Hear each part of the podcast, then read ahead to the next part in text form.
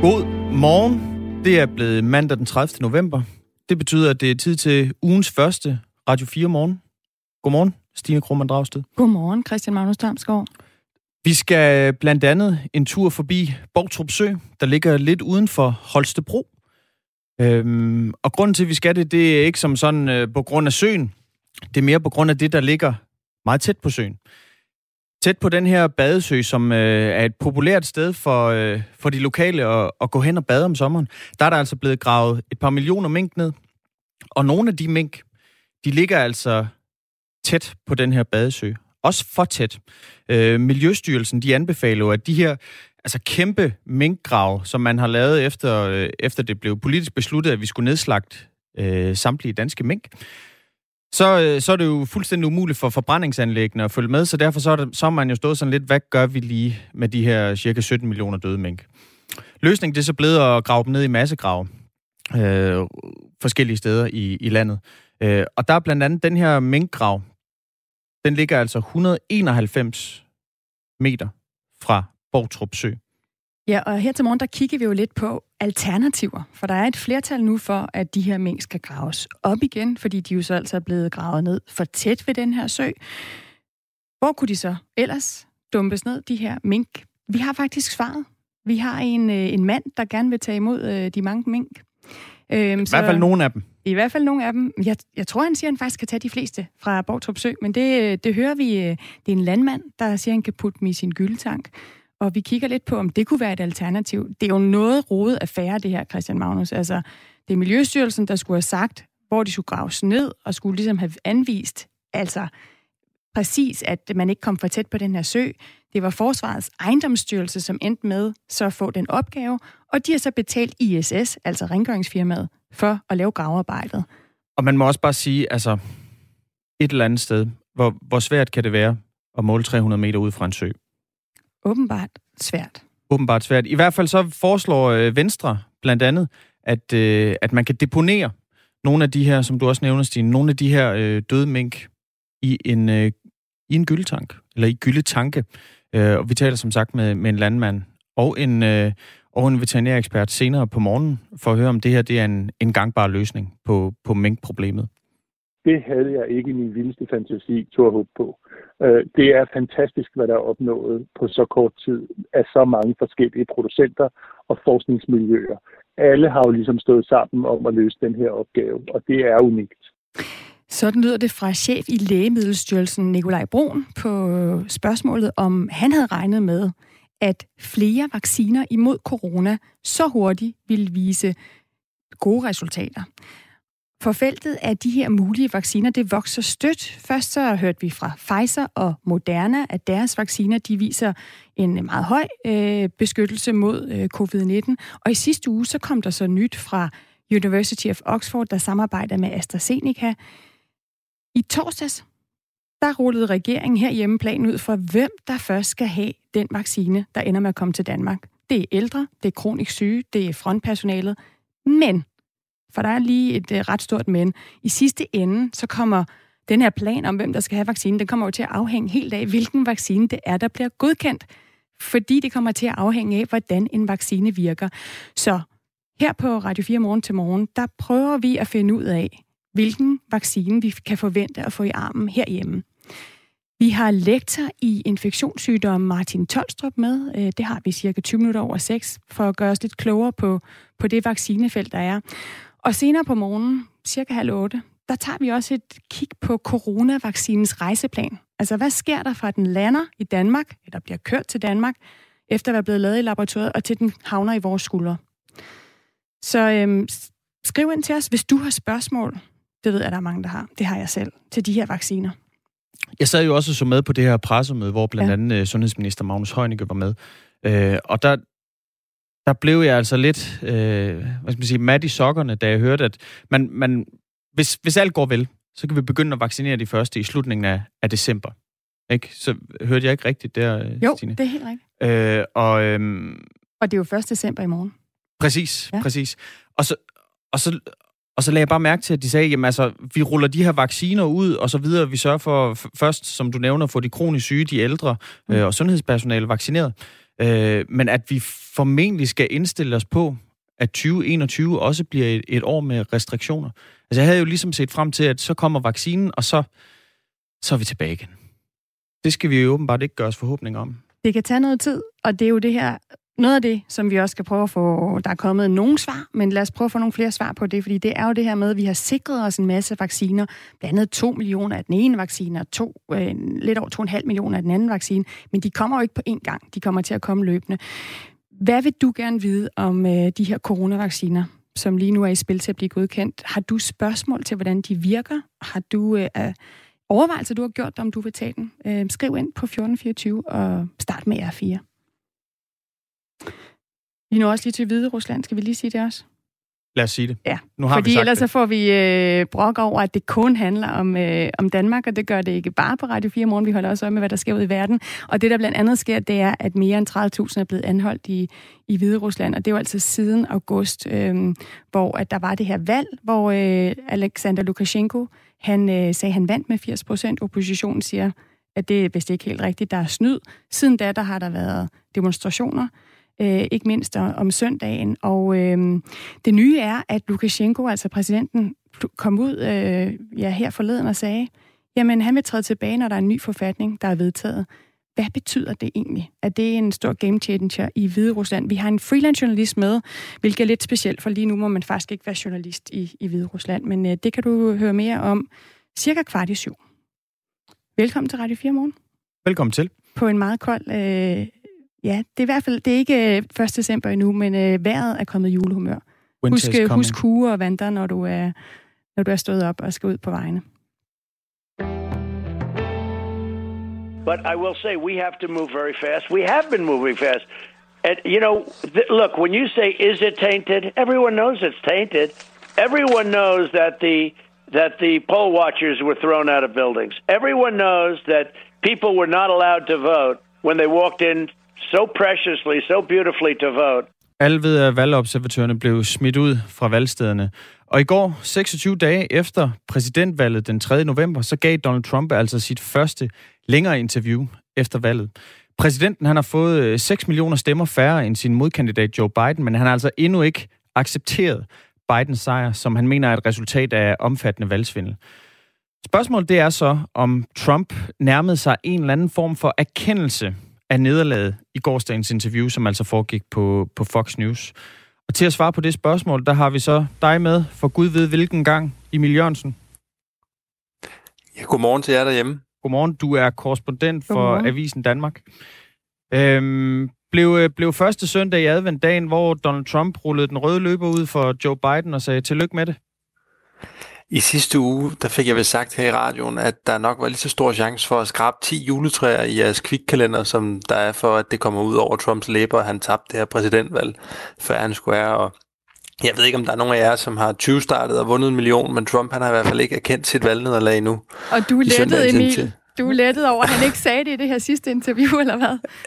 jeg sad jeg i hvert fald skudt rigtig, rigtig meget forbi, da jeg var så kæphøj for en uge tid siden, men øh, det skete ikke øh, i søndagens interview. Der beskrev han faktisk Bidens sejr som det største bedrageri i USA's historie, og øh, præsidentens i forvejen ret vilde anklager, der jo som bekendt går ud på, at demokraterne fuskede sig til valgsejren ved hjælp af blandt andet coronarestriktioner, et usædvanligt højt antal brevstemmer, bøllemetoder på valgstederne og stemmemaskiner, som den tidligere kommunistiske leder fra Venezuela, Hugo Chavez, øh, efter sine har pillet ved, selvom han altså har været død i syv år, ja, de anklager, de blev faktisk endnu vildere i går, da præsidenten han fik antydet også, at FBI og Justitsministeriet måske også er indblandet i komplottet. Og hans hold advokater, de mangler altså stadigvæk konkrete beviser. 31 ud af 33 sagsanslag, de er blevet afvist i retten, og fredag oplevede vi, at den føderale domstol i Philadelphia, de ikke engang gad at behandle et af præsidentens søgsmål, simpelthen fordi de syntes, det var for useriøst. Og Trump han havde altså heller ikke nogen rygende pistol med i Fox News søndag. Hvad var overskrifterne øh, i det her interview, han altså gav til, til Fox News, som, som jo var godt en, en halv time? Var det bare mere af det samme,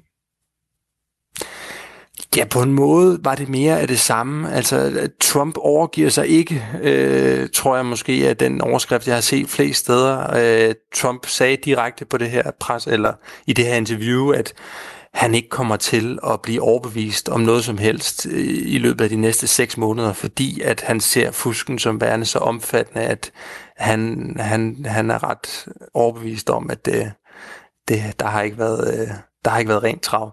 Mm.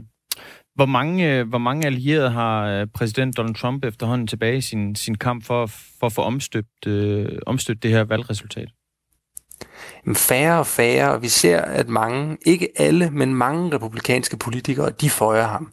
Hvilket ifølge flere eksperter hænger sammen med, at Trump stadig har så godt et tag i den republikanske vælgerbase, at det simpelthen vil være strategisk uklogt at gøre andet.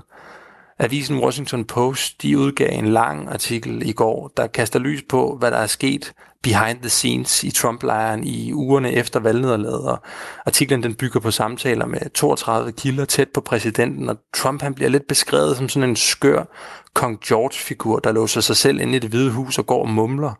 Jeg vandt, jeg vandt, jeg vandt. Og det bliver også beskrevet i den her artikel, hvordan at de rådgivere og de ansatte, der klør ham på ryggen og bekræfter ham, de bliver rykket længere og længere frem i hierarkiet, og det betyder ifølge Washington Post, at det nu er Rudy Giuliani, det er Jenna Elias og det er Sidney Powell, altså dem, der fører øh, præsidentens sagsanlæg, der nærmest har kuppet Trump-kampagnen, og hvor hans normale toprådgiver efter sine fraråder ham de juridiske Mission Impossible, som han kaster sig ud i øjeblikket, så er Rudy Giuliani og resten af trækløveren, jeg lige nævnte før, det er dem, som visker ham i øret, at der stadig er en sag. Hvad siger, hvad siger amerikanerne? Øh, du, du var jo lidt på, på gaden øh, i går for at, høre, øh, for at høre reaktionen på det her interview, som Trump har givet til, til Fox News. Hvad siger de til det? De gider ikke mere. I, I dag der var jeg i Millennium Parken i hjertet af Chicago, hvor en del af de lokale, de nød søndagen. Familier tog billeder foran byens store juletræ, som netop er blevet tændt, og kærestepar gik hånd i hånd, og en enkel Jesus forkynder råbte noget med, at vi alle vil brænde i helvede, hvis vi ikke lyttede til hende. Og hende var der ikke mange, der gad at snakke med, men der var altså heller ikke ret mange, som gad at snakke med mig. Det er som om, at alt det der amerikanske præsidentvalgsfikum, det, det er de efterhånden lidt træt af, og ham, Donald Trump og alle hans tweets vil de helst bare slukke for. Så, men øhm, hverken I eller Avisen Danmark betaler mig for at blive gode venner med folk, så jeg hæver selvfølgelig nogle mennesker ud af søndagshygge juleillusionen og tilbage i den politiske virkelighed. Så hvis, hvis jeg har tid til det, så kan vi høre nogle af dem her. Det har vi. I hear a lot about him, but I mean, I just tend to basically ignore. I feel like every time I listen or hear an interview about him, it just causes more problems, you know? It just in my opinion, shows a lot about his character and the way that he handles situations. So, in my opinion, that's like a poor handling of the situation. If he had evidence, the court would have, you know, proceeded with, the, with, with his cases. But now, about maybe 16 to 20 cases has been thrown out of court, and I think he doesn't have any basis now. Yeah. Well, I think he has to keep up face for his um, his uh, base. Uh, he knows, I, I, believe him and his team knew from the beginning that it was a fruit, uh, fruitless effort, but... Ja, der er altså øh, sådan lidt metaltræthed blandt øh, vælgerne i, i Chicago der. Men det er jo også øh, traditionelt set øh, en demokratisk stat. Og ved valget i år, så fik øh, Biden altså tre ud af fire øh, stemmer i, i Chicago.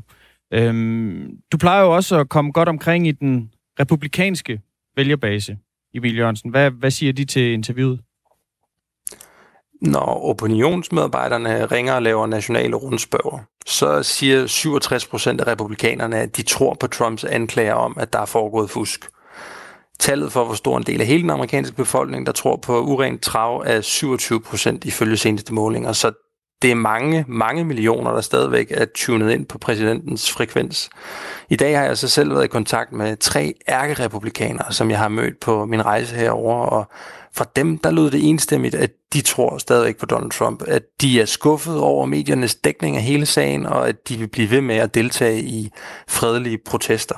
E, en af dem, jeg har talt med, det er Laurie Mayfield, en 54-årig kvinde fra Texas, som jeg for to og en halv måned siden var i Trump-train sammen med en form for dyttende cortege af 500 firehjulstrækkere, der med hornet i bund kører gennem byen og viser deres kærlighed for Trump. Det gjorde de en gang om ugen tilbage i september, og det gør de stadigvæk nu. Og som Laurie hun sagde til mig i telefonen, den fede dame har ikke sunget nu. Men øh, den fede dame, hun kan altså risikere at, øh, at synge sin sidste sang den 14. december, for det er jo altså der, at valgmandskollegiet, de skal, de skal pege på, hvem der skal være USA's næste præsident. Donald Trump, han har jo sagt, at hvis valgmandskollegiet peger på Biden, jamen, så fair nok. Så, så går jeg af. Kunne det ikke godt øh, tyde på, at, øh, at den 14. 14. december, så kommer der lidt mere øh, ro på bagsmækken i, i USA?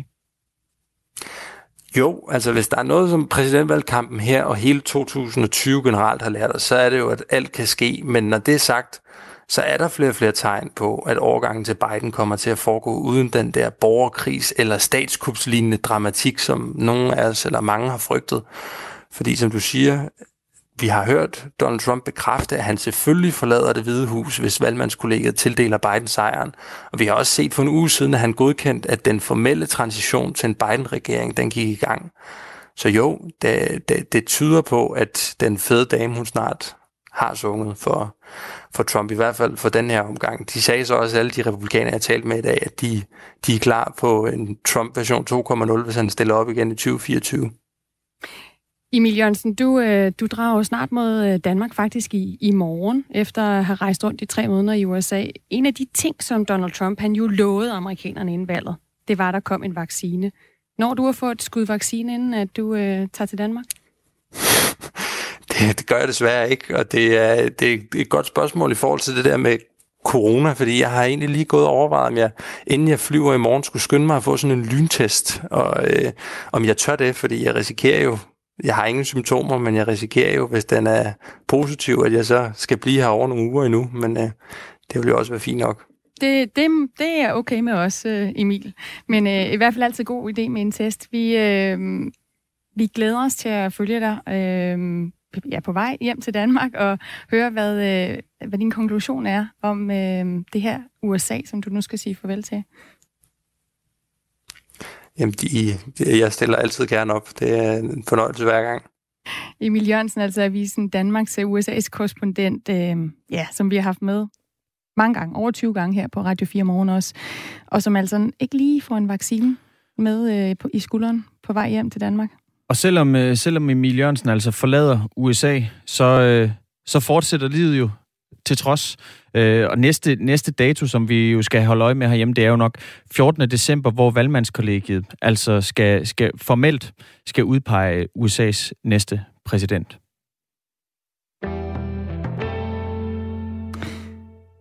Grunden til, at jeg lige øh, selvfølgelig spurgte Emil Jørgensen om det her med en vaccine, det er, at vi jo øh, står på tasken til december, og december i år, det kan vise sig at blive en særlig måned i verdenshistorien. Det er i hvert fald det, vi har fået at vide, øh, blandt andet øh, på pressemødet i torsdags, øh, hvor Magnus Heunicke, sundhedsminister, kaldte det en game changer, at der nu måske kan komme vacciner til Danmark inden øh, slutningen, eller her i slutningen af december. For det er sådan, at øh, en coronavaccine kan få det grønne lys meget, meget snart. Og sådan her, der lød budskabet fra direktøren i Lægemiddelstyrelsen, Thomas øh, Center Rovitz øh, om udsigten til at få en godkendt vaccine til Danmark. Hvis alt går vel, så kan vi have den første vaccine i Danmark slutningen af året, måske begyndelsen af det næste år. I dag, der tager vi et kig her på Radio 4 morgen på, hvad det er for nogle vacciner, som os danskere formentlig inden længe kan se frem til at få skudt i kroppen. Martin Tolstrup, afdelingsleder og lektor i infektionssygdomme ved Aarhus Universitets Hospital. Godmorgen. Godmorgen. Du følger selv sagt den her udvikling af altså, de vacciner, der er ekstremt tæt på at blive, på at blive godkendt uh, tæt. Lad os lige starte med det sværeste spørgsmål. Ved vi, hvilken vaccine det er, vi får til Danmark, som det ser ud lige nu? Øh, nej, det ved vi ikke præcist, men vi kan jo godt komme med et øh, kvalificeret bud.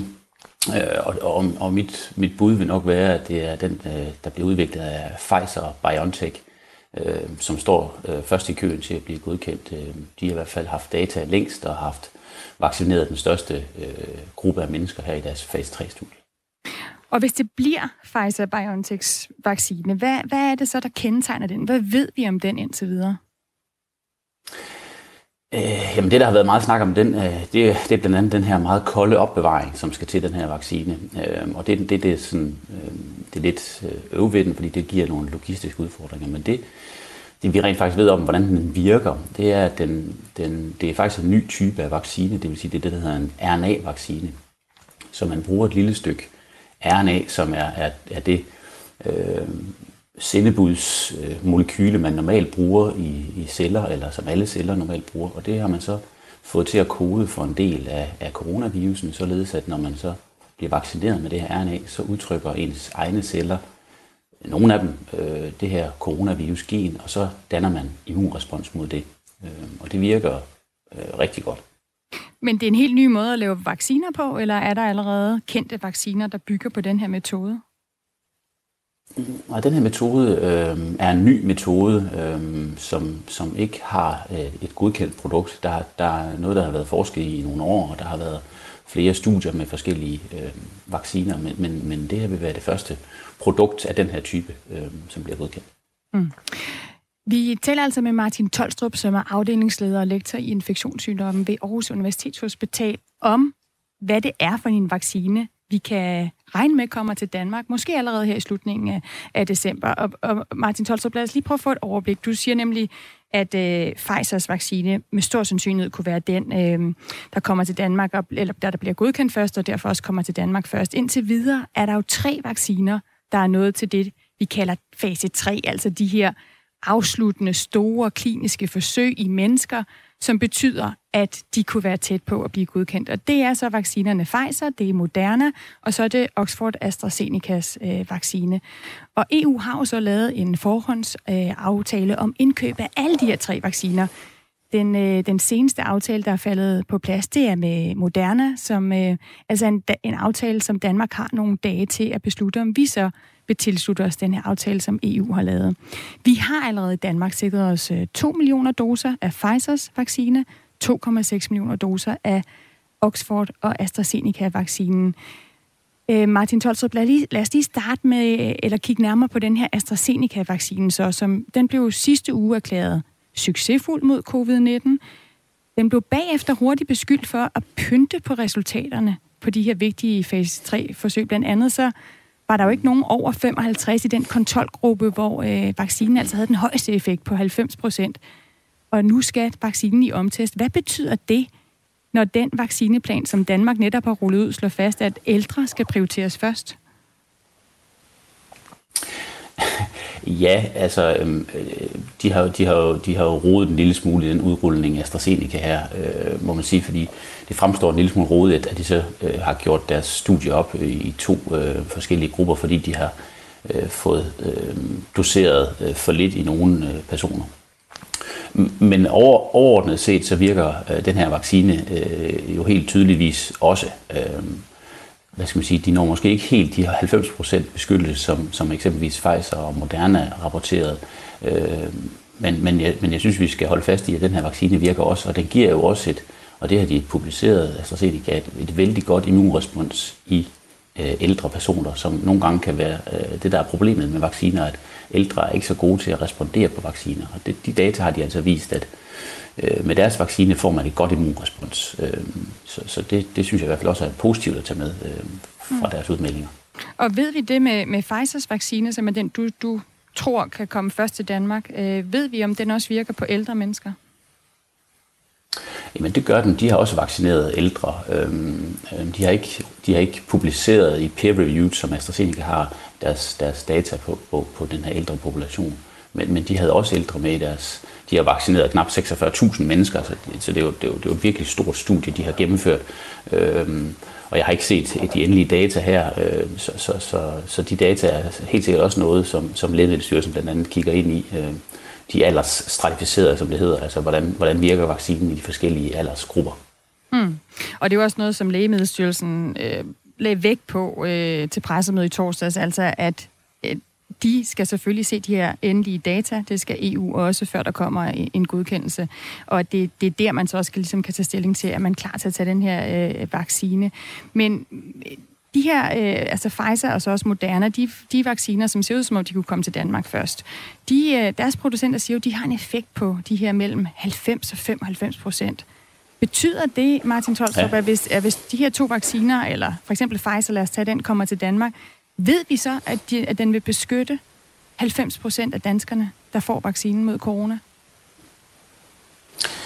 Jamen, det er, jo, det er jo de data, de i hvert fald har, har lagt frem. Jeg har jo ikke set alle data, men, men 90% beskyttelse for en vaccine er jo, er jo ganske formidabelt. Øhm, og, og der vil være forskellige grader af beskyttelse her, så, så, så enten så er der beskyttelse mod, mod svær sygdom, som jo det, man primært er interesseret i en vaccine, at beskytte mod, at man får sygdom. Øhm, og så kan man måske godt blive inficeret, men hvis man så bare får en forkølelse, som vi normalt gør med en hel masse andre øh, virus, så vil vi jo være lidt ligeglade, hvis vi ikke skulle gå og beskytte sundhedsvæsenet og beskytte øh, alle vores øh, sårbare øh, personer. Øh, så, så, så det vil være de to grader af, af, af beskyttelse, man kigger efter. Bliver man beskyttet mod rent faktisk at få infektion, og bliver man beskyttet, eller bliver man beskyttet mod, mod den svære sygdom. Øh, og, og, og begge dele vil jo være øh, bedst, hvis man helt kan beskytte mod, mod infektion. Så vil du også kunne nedsætte den videre transmission, altså det, at man smitter videre, selvom man måske faktisk næsten er rask og har det fint. Øh, så det vil også være væsentligt at, at slå fast. Men, men alle de data, som der har været øh, lukket op for, det har jo kun været i pressemeddelelser for de her dat, øh, vacciner nu. Det ser ud som om, at det virker øh, rigtig godt. Martin Tolstrup, øh, afdelingsleder og lektor i infektionssygdomme ved Aarhus Universitet. Tusind tak. Vi bliver nødt til at lukke ned nu, fordi der er er nyheder, og jeg har allerede hugget et minut fra Signe Ribergaard Rasmussen, som står klar med Radio 4-nyhederne.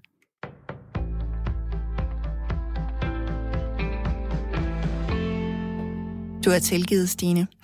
En ny hjemrejselov, som sendes i høring i dag, skal få flere afviste asylansøgere til at rejse hjem. Pudsigt nok, så skal det blandt andet ske ved at forlænge udrejsefristen med en periode på op til 90 dage.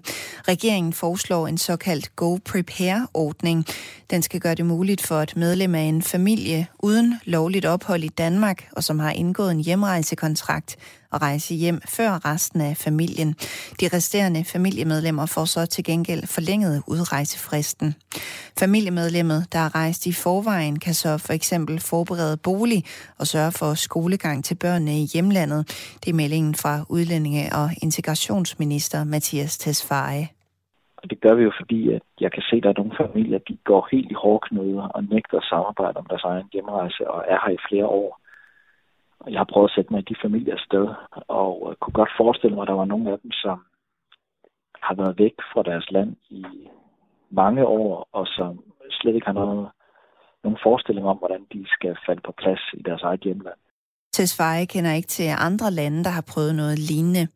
Lige nu sidder der ifølge ministeren 1.100 personer på de danske udrejsecentre, som har fået afslag på asyl, og det koster 300.000 kroner om året per snude at have dem indkvarteret. Så der er også en kæmpe økonomisk gevinst for det danske samfund, hvis vi faktisk lykkes med at få folk på flyet. Og øh, jeg tror, det er en blanding af pisk og gulerod, der skal få dem til at samarbejde om deres egen hjemrejse. Det familiemedlem, der er rejst i forvejen, vil som udgangspunkt ikke lovligt kunne genindrejse i Danmark.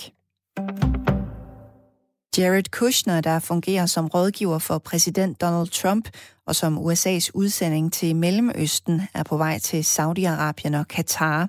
Det oplyser en højt placeret embedsmand i det hvide hus. Besøget, der finder sted i de næste dage, kommer midt i en højspændt situation i Mellemøsten efter drabet på Irans førende atomforsker i fredags, skriver Reuters.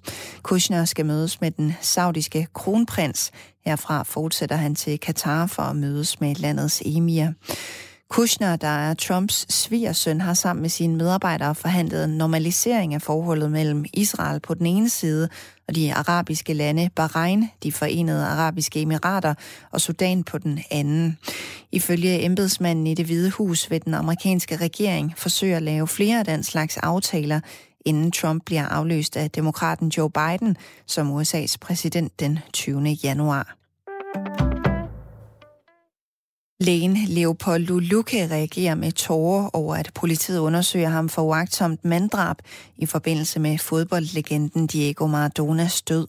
Det kom frem i går, at uagtsomt manddrab indgik som en del af efterforskningen.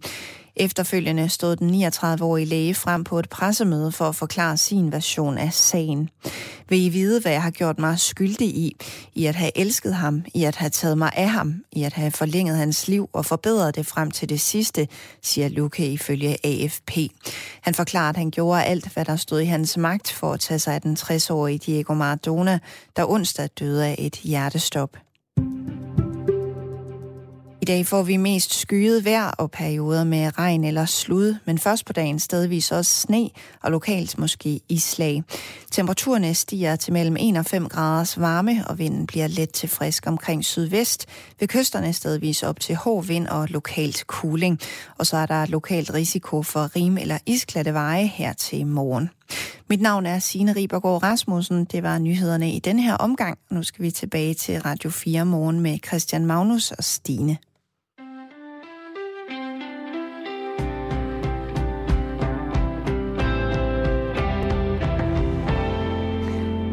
Nej tak til vaccine fra Bill Gates, som skriver Tommy ind til os. Og HC han skriver, hvad med bivirkninger? Og det spørgsmål, det stiller vi videre øhm, cirka halv otte. Der har vi endnu en vaccineekspert med, som kan svare på dine spørgsmål. Så skriv ind til os på 1424. Er du klar til at få en coronavaccine? Hvilke spørgsmål har du til dem? Hvilke overvejelser gør du der? Øhm, R4 send afsted til øh, 1424. Og nu til nogen, som ikke nåede at blive reddet af en coronavaccine. For millioner af døde mink, de blev altså tidligere på måneden gravet ned øh, ved militære områder i Holstebro og Karup, fordi forbrændingsanlæggene, de altså ikke kunne følge med. Øh, Miljøstyrelsen, de har anlagt sådan et forsigtighedsprincip, som betyder, at øh, de her nedgravede mink, de skal altså være mindst 300 meter fra, fra, altså, fra kanten af en minkgrav, der er tættest på en sø eller et vandløb, eller hvad det end måtte være. De må altså ikke ligge inden for en øh, afstand af 300 meter til de her søer eller vandløb. Men i, i Bortrup Sø, der er der altså kun 191 meter fra kanten af den minkgrav, som ligger tættest på, på den populære badesø. Så de mink, de skal formentlig graves op igen. Det mener i hvert fald et flertal i Folketinget, og fredag der bad Fødevareminister Rasmus Prehns og Fødevarestyrelsen om at undersøge muligheden for at grave minkene op. Godmorgen, Per Nørgaard Sovnstrup. Godmorgen. Du er landmand og nabo til massegraven ved Borgtrup Sø i Holstebro. Det er korrekt. Oppositionspartiet Venstre, de har altså foreslået, at man deponerer de her mange døde mink i, i gyldtank. Og du har jo en gyldtank. Det er korrekt. Det har jeg. Jeg har flere. Ja, vil du gerne fylde dem op med mink? Jamen, jeg vil i hvert fald, øh, jeg vil i hvert fald gøre meget for at, at være med til at løse den her kæmpe fejl, der er lavet med at grave de her dyr ned som jeg synes er en kæmpe katastrofe. Hvorfor vil du gerne have, have mink i din gyldtank? Jamen, det er fordi, jeg vil egentlig gerne lige starte med at sige, at det man normalvis gør, det er jo egentlig, at man udnytter sådan nogle døde mink som en ressource. Altså man, man, man forbrænder dem egentlig ikke normalvis. Man kører dem til dæk, og så bliver de jo lavet om til sæbe og biomasse eller mm. biobrændsel. Og, og det med at grave så stor mængde næringsstoffer ned, det, det har man jo opdraget landmænd til i 40 år. Det er bare ikke noget, man gør. Næringsstoffer, dem samler man op. Og det er jo derfor, vi har alle de her gyldetanke til at stå. Det er jo nu en gang for at samle næringsstoffer op. Så derfor ville det da være oplagt bare at putte dem i en af dem, der står. Er din, øh, er din tank tom lige nu? Ja, det er den jo indtil, indtil videre, men det er jo klart, jeg har jo en svineproduktion, der kører sideløbende. Så på et eller andet tidspunkt skal jeg jo bruge, øh, skal jeg bruge tankene til, til den gylde, der kommer derfra, for at passe på den næringsstof, kommer ud af en stald. Så derfor skal jeg jo selvfølgelig bruge dem inden for året. Men der er jo mange tomme tanke rundt i Danmark. Mm. Øh, og det er jo det, der er lidt til også, at man ikke bare har startet med at putte dem oven i den, i stedet for at grave dem ned. Altså det med at grave ting ned, det er vi jo egentlig vokset fra. Det er noget, man gjorde i 80'erne eller 70'erne. Mm. Hvor, har, du, har du haft løgne, lommeregneren øh, fremme og ligesom regnet på, hvor mange, øh, hvor mange mængder du eventuelt ville kunne, kunne opbevare de, de tanke, du har på din, øh, din ejendom? Jamen altså, lige på min, jeg har sådan to tomme tanke, der står nu med sådan to 1200 kubikmeter tanke. Der kunne jeg have en halv million i. Altså, man skal cirka bruge, for at kunne rumme alle dem, der er gravet ned her ved Bordrup Sø, så skal man bruge en tank på, på 7500 kubikmeter. Så vil mm. man sådan cirka kunne rumme de mink, der er gravet ned. Øh, mm. Det, er jo, det, det er jo sådan cirka det, der er gravet ned, altså halvanden million mink, godt og vel, som, som er. Og det vil man kunne rumme i øh, sådan to øh, fuldvoksne tanke i nutids Danmark. Der skal også... Så det er jo ikke, det vil være en meget billigere løsning, end det med at begynde at grave dem øh, ned, altså, som man jo har valgt at gøre. Jamen, der, der skal jo også, øh, det ved jeg ikke, om du har regnet med, men der skal vel også være, være plads til, at de her mængder, de ligesom kan, kan udvide sig lidt i, i forbindelse med forrådnelsesprocessen osv. Ja, og det er klart, vi kender jo ikke, hvor lang den forrådelsesproces er, men mm. som det er lige nu, så har de garanteret udvidet sig en hel del, og det er jo derfor, det er derfor vi også har set det med, at de kommer oven ud af jorden igen. Altså, de er jo helt udspildt nu af gasser, Øh, og det er jo sådan set metangas, altså en, en, en form for en ikke særlig klimavenlig gas, som de udvinder lige nu. Og derfor er de jo på vej op til overfladen. Altså, det er jo det, der skete i, i sidste uge, at de, at de kom op igennem sandjorden. Mm. Og det, og det er det, jeg har sagt sådan lidt som joke. Det er jo fordi, de er oppe og hilse på os, inden de er på vej nedad. Fordi nu bliver det jo til væske. Og væske kan man ikke styre i sandjord, og derfor vil det jo øh, udvaskes til vores vandløb og, og, og grundvand, sandsynligvis. Selvom der er mange eksperter, der har sagt det modsatte. Men der har man jo smidt lidt, lidt kalk og, og så videre i jorden for ligesom at forhindre, at det sker. Jamen, det eneste, der egentlig kunne have forhindret, at det skete, det var, hvis der lagde en plastikmembran i bunden af de grave her. Eller at det var gravet ned i, i en rigtig kraftig lerjord, så ville det være ligesom en lerskål at ligge i. Mm.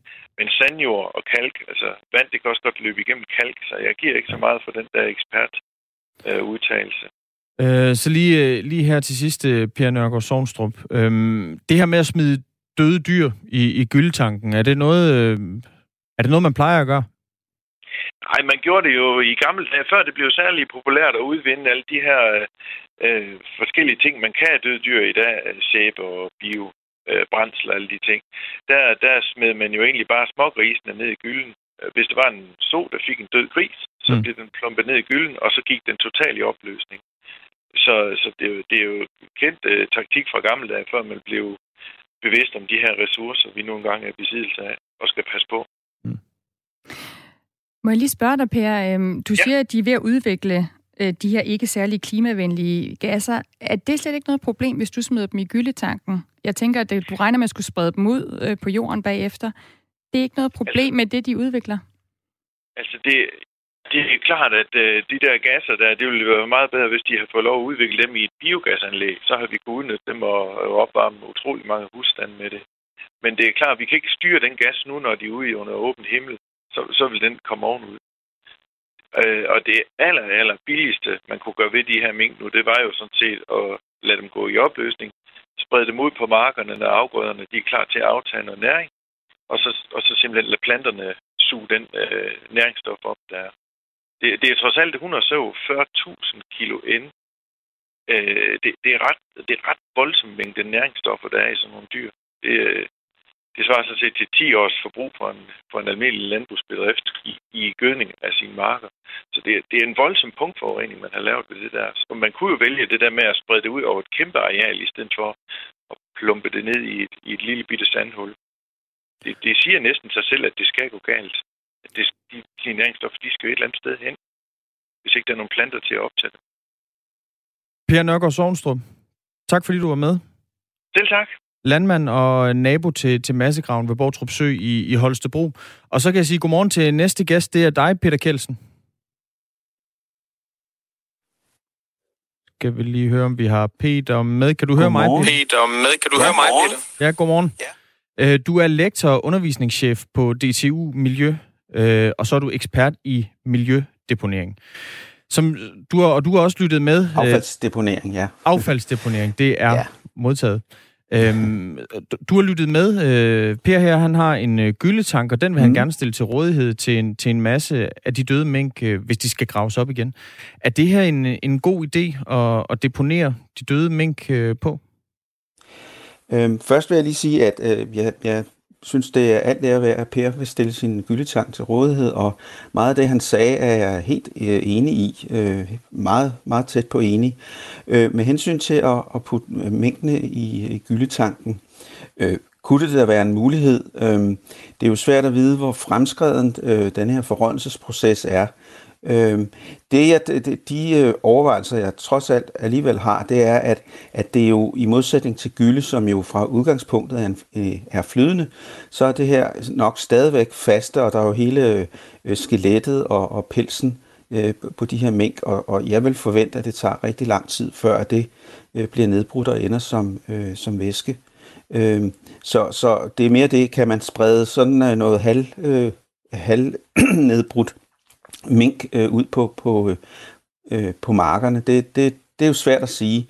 Øh, det er jo ikke prøvet før.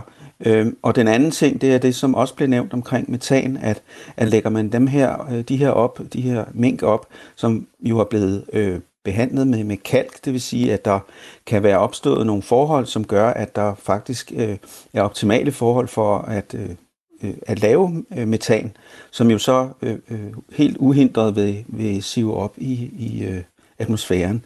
Hvis det kom på et biogasanlæg, så er der jo betydeligt mere kontrol over det, det er mere lukket, og, og det er jo hele øh, ideen, at man skal øh, få, få det materiale, man lægger ind, øh, til at blive til biogas, hvor metan jo er den ene halvdel af, af det her biogas. Er det, er det en decideret dårlig idé at, at deponere dem i gyldetank?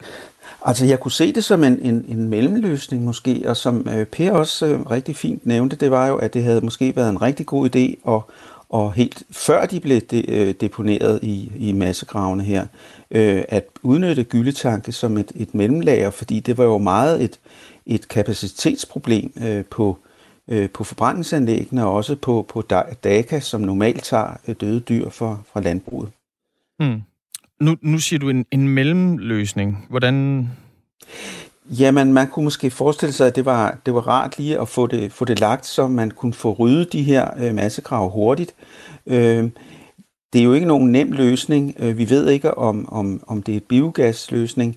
Øh, man havde udgangspunkt i forbrændingsløsninger. Det viste sig at være en rigtig god løsning øh, for en del af de mink, øh, som, som man aflevede. Øh, de er blevet brændt med, med, med udnyttelse af, af den energi, der var til at producere el og, og varme. Og om man stadigvæk kan gøre det, eller om vedbrydningen af minkene øh, er så fremskreden øh, og har været det her i de her uger, hvor det har ligget i, i maskravene, det, det ved vi jo ikke. Øh, men, men, øh, men, men jeg synes, at man skal vurdere, er det en biogasløsning, er det en, øh, en forbrænding, øh, og så kan det være, at, at man har brug for nogle mellemlager, og der synes jeg selvfølgelig, at gyldetankene kunne komme ind, så man får fjernet øh, det her materiale, som ligger i nedgravet, som, som jeg er helt enig i ikke er, er en særlig øh, god løsning. Kirsten, hun skriver ind og spørger, var det kun raske mink, der blev gravet ned? Spørgsmålstegn. Ellers er der vel risiko for covid-19 spredes ud på markerne med gylde. Jeg ved ikke, om det er dit, øh, din spidskompetence, Peter Kelsen, som affaldsdeponeringsekspert. Øh, hvor lang tid sådan noget covid-19 kan overleve på kadaver? Nej, altså, det, det, er, det er ikke mit område, men, men det er rigtigt, at, at der var både, øh, altså jeg har hørt, at, at der var både øh, øh, mink, som man vidste ikke var smittet, der var smittet, og så var der øh, mink fra risikogruppen.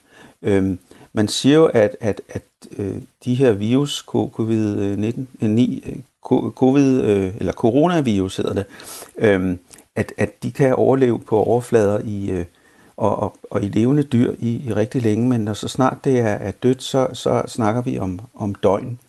Øh, det er, hvad jeg har, har lært, men jeg er som sagt ikke øh, ekspert på det her område. Der kan jo også være andre sygdomsfremkaldende øh, bakterier måske i, i minkene, som man så også skal til at, at overveje, øh, hvad, hvad skæbnen af dem øh, kan være. Og grund til, at vi taler med dig, øh, Peter Kelsen, lektor og undervisningschef på DTU Miljø, det er altså fordi, at, øh, at de her øh, mink, som ligger begravet i en massegrav tæt på Bortrup Sø, de ligger altså for tæt på den populære badesø, og derfor så overvejer Folketinget lige nu, om, øh, om minkene skal graves op, og så er det altså stadig et, et åbent spørgsmål, hvordan man så skal deponere de her døde mink. Øhm, er det helt urealistisk simpelthen bare at putte dem i de her gyldtank, og så bare lade dem ligge der, indtil de øh, bliver til ingenting?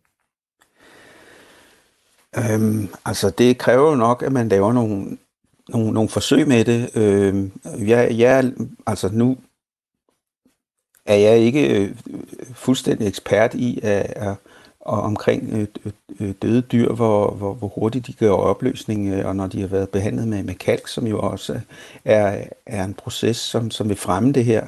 Øh, så så det, det har jeg svært ved at sige, men jeg synes, at Øh, problemet er lidt det her øh, udslip af, af metan. Vi er faktisk i gang med et projekt på DTU, hvor vi undersøger udslip af metan fra gyldetanke i, i landbruget.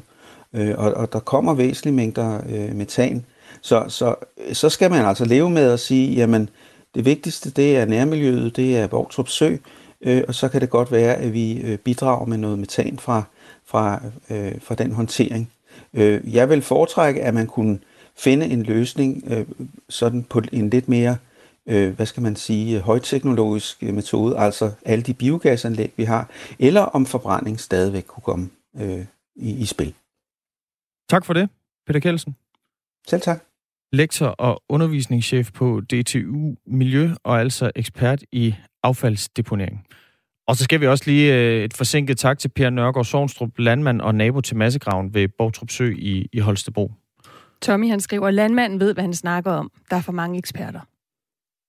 Og det er altså Fødevarestyrelsen, som skal undersøge, hvad der skal gøres med de her øh, mink, hvis man altså beslutter sig for at grave dem op. Styrelsen har ikke haft mulighed for at stille op her i radioen øh, til morgen, øh, for at forholde sig til Per Nørgaard Sovnstrups forslag om at bruge, øh, om at vi kunne bruge hans gyldetanke til at deponere nogle af de her døde mink. Nu er klokken blevet 10 minutter i syv. Og øh, du lytter til Radio 4 morgen. Den hvide russiske præsident Alexander Lukashenko, han siger, at han vil træde tilbage, når Hvide Rusland får vedtaget en ny forfatning. Efter måneder med mange demonstrationer, store demonstrationer, så ser nogen det som et tegn på, at præsidentens tid er ved at være forbi. Spørgsmålet er, om øh, den er det, og det kan du måske hjælpe os med at svare på, Stefan Weikert. Godmorgen. Ja, godmorgen. Freelance journalist med fra øh, Hvide Ruslands hovedstad Minsk. Hvordan er Lukashenkos udtalelse om, at han vil træde tilbage, blevet modtaget i Hvide Rusland? Det hele er faktisk lidt som det plejer. Øh, hvis, du ikke har, hvis man ikke har hørt det selv, så vil man ikke, øh, så vil man ikke kunne se det i gadebilledet på nogen måde. Øh, når man spørger folk omkring det, så er de skeptiske, og de tror ikke på ham. Og derfor skal vi lige huske på, at Lukashenko har været præsident i 26 år. Og han har løbende sagt igennem tiden, at han øh, vil trække sig tilbage, når folk ikke ønsker ham længere. Øhm, og derfor har folk svært ved at tro på, at han vil trække sig tilbage nu, fordi at der har været store demonstrationer nu i månedsvis, hvor han ikke har sagt, at han vil trække sig tilbage. Og øh, vi ser ikke nogen opblødning på gaderne. Øh, altså, vi så så vidt, så også sent som i går, øh, demonstrationer, øh, hvor der blev slået hårdt ned af politiet med vold. Så der er ikke noget, der indikerer, at, øh, at han er på vej ud lige nu. Hvorfor kommer han øh, med sådan en udmeldelse nu så, Lukashenko? Ja, det er det spændende ved det. Det er, at den russiske udenrigsminister Sergej Lavrov var på besøg i øh, Hviderusland øh, i sidste uge. Øh, og der havde han et møde med Lukashenko, og vi ved ikke, hvad der er kommet ud af mødet, men en del jagttager siger, at øh, han lægger pres på ham, øh, fordi han, Lukashenko har tidligere mødtes med Putin, øh, hvor Putin angiveligt skulle have sagt at øh, til Lukashenko, at hans tid er ved at være forbi. Øh, og det vil sige, at Lukashenko er altså presset både af Vesten, men sydlandet også Rusland hvor Rusland ønsker en, en form for forfatningændring og en mere stabil leder i Ruslands interesse, fordi de måske ikke stoler på Lukashenko. Så det, der det spekuleres en del i, det er, at Lukashenkos udtalelse kommer umiddelbart efter et møde med den russiske udenrigsminister. Fordi hvis man ser på oppositionen, øh, så er den ret svækket. Altså oppositionslederen øh, Svetlana Tikhanovskajs plan om nationale strejker har for eksempel øh, fejlet. Og derfor er det ikke fordi, at han er specielt meget under pres af oppositionen lige nu.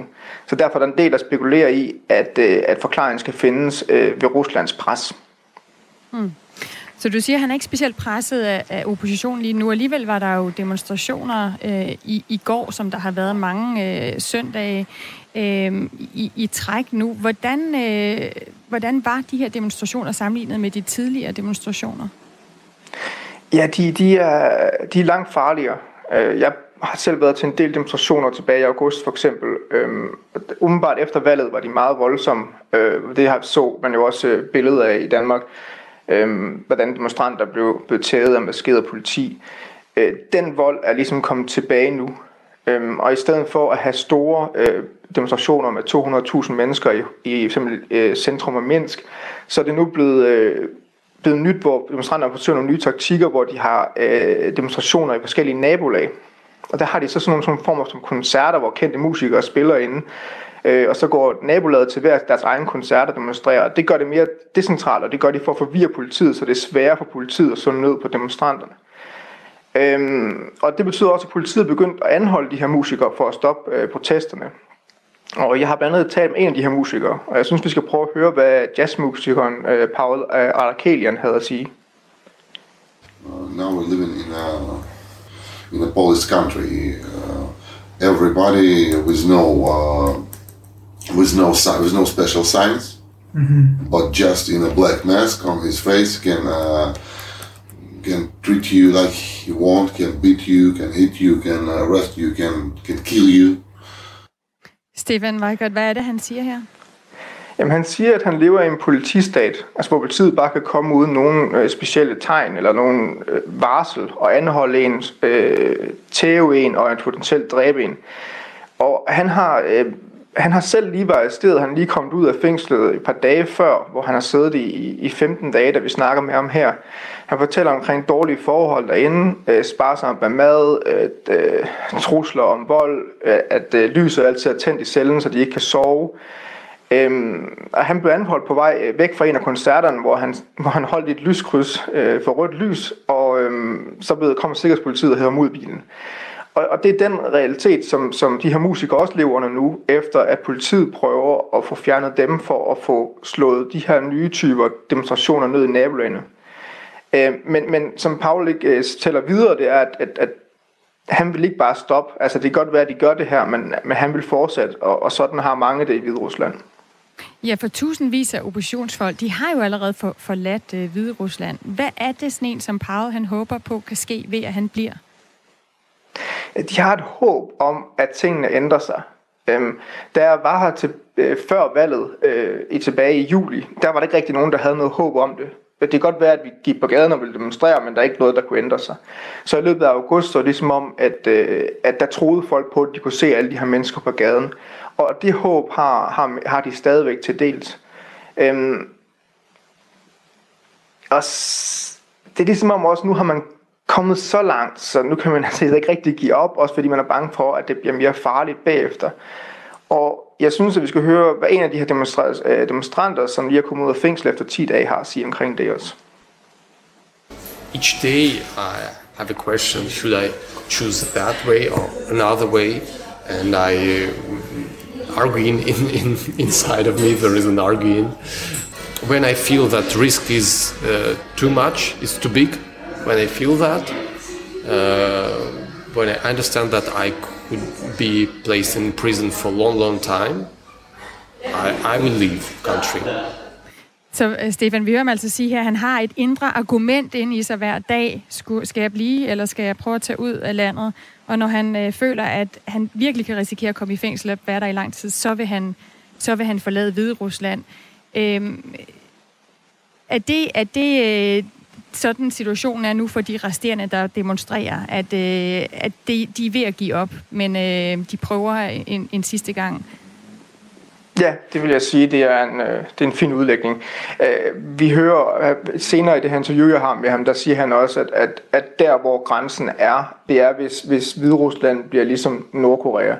Altså, så, som Nordkorea, og det hører vi fra mange demonstranter, Nordkorea er ligesom blevet symbolet på, at, at hvis det bliver til, til de standarder, så er der ikke noget håb længere. Og der kan man sige, hvor langt, hvornår bliver Hviderusland Nordkorea, det kan de ikke rigtig sætte ord på. Men hvis det bliver et helt lukket samfund, hvor man overhovedet ikke kan gå på gaden, hvor, hvor demonstranter decideret bliver skudt i, i stor, stort tal på gaden og sådan noget, så mener de alle mulige udtømt, og, og, og, og så vil de ikke demonstrere længere. Mm, så der er stadig håb om at give det sidste skud i bøssen, men, men, men, øh, øh, men ja, øh, oppositionen den er presset i landet. Stefan Weicker, du må jo slet ikke øh, arbejde som journalist i, i Hvide Rusland. Øh, altså, mange journalister er, er blevet øh, anholdt og også er blevet, er blevet tævet. Hvor lang tid bliver du i Hvide Rusland lige nu? Øh, jeg bliver kun øh, til, til i morgen aften, øh, så tager jeg ud igen. Øh, det er lige med at kende sin besøgstid i landet. Øh, det er jo også farligt at arbejde som, som journalist. Øh, og øh, vi, skal, vi skal tage vare meget på os selv, fordi at øh, decideret så går politi efter, efter øh, journalister på gaden. Og øh, ja, det er jo noget, vi skal tage vare på. Tak for at være, trods alt, I, I mennesker prøver at rapportere for et land, som øh, det bestemt er, er svært både at være demonstrant i lige nu, og også øh, journalist, altså Stefan Weikart, øh, freelance-journalist med fra, fra Minsk. Selv tak. Det er altså også svært at være Lukashenko i Hvide Rusland i disse dage, bliver presset af russerne, bliver presset af sit eget folk, som altså går på gaden og kræver hans, øh, hans afgang. Øh, må ikke, det kommer til at udvikle sig i de kommende måneder, også vi følger det i hvert fald her på Radio 4 Morgen. Efter nyhederne, som altså går på om øh, ja, 20 sekunder, så skal vi tale om CO2-neutralitet. Det er jo øh, altså det store, det har været det store buzzword, øh, når du står nede i supermarkedet og skal vælge vælge mælk eller bøffer, eller hvad det end måtte være, øh, så står der, at det er CO2-neutralt. Men er det nu også det? Det, det mener Tænk i hvert fald ikke. Vi hører mere efter nyhederne.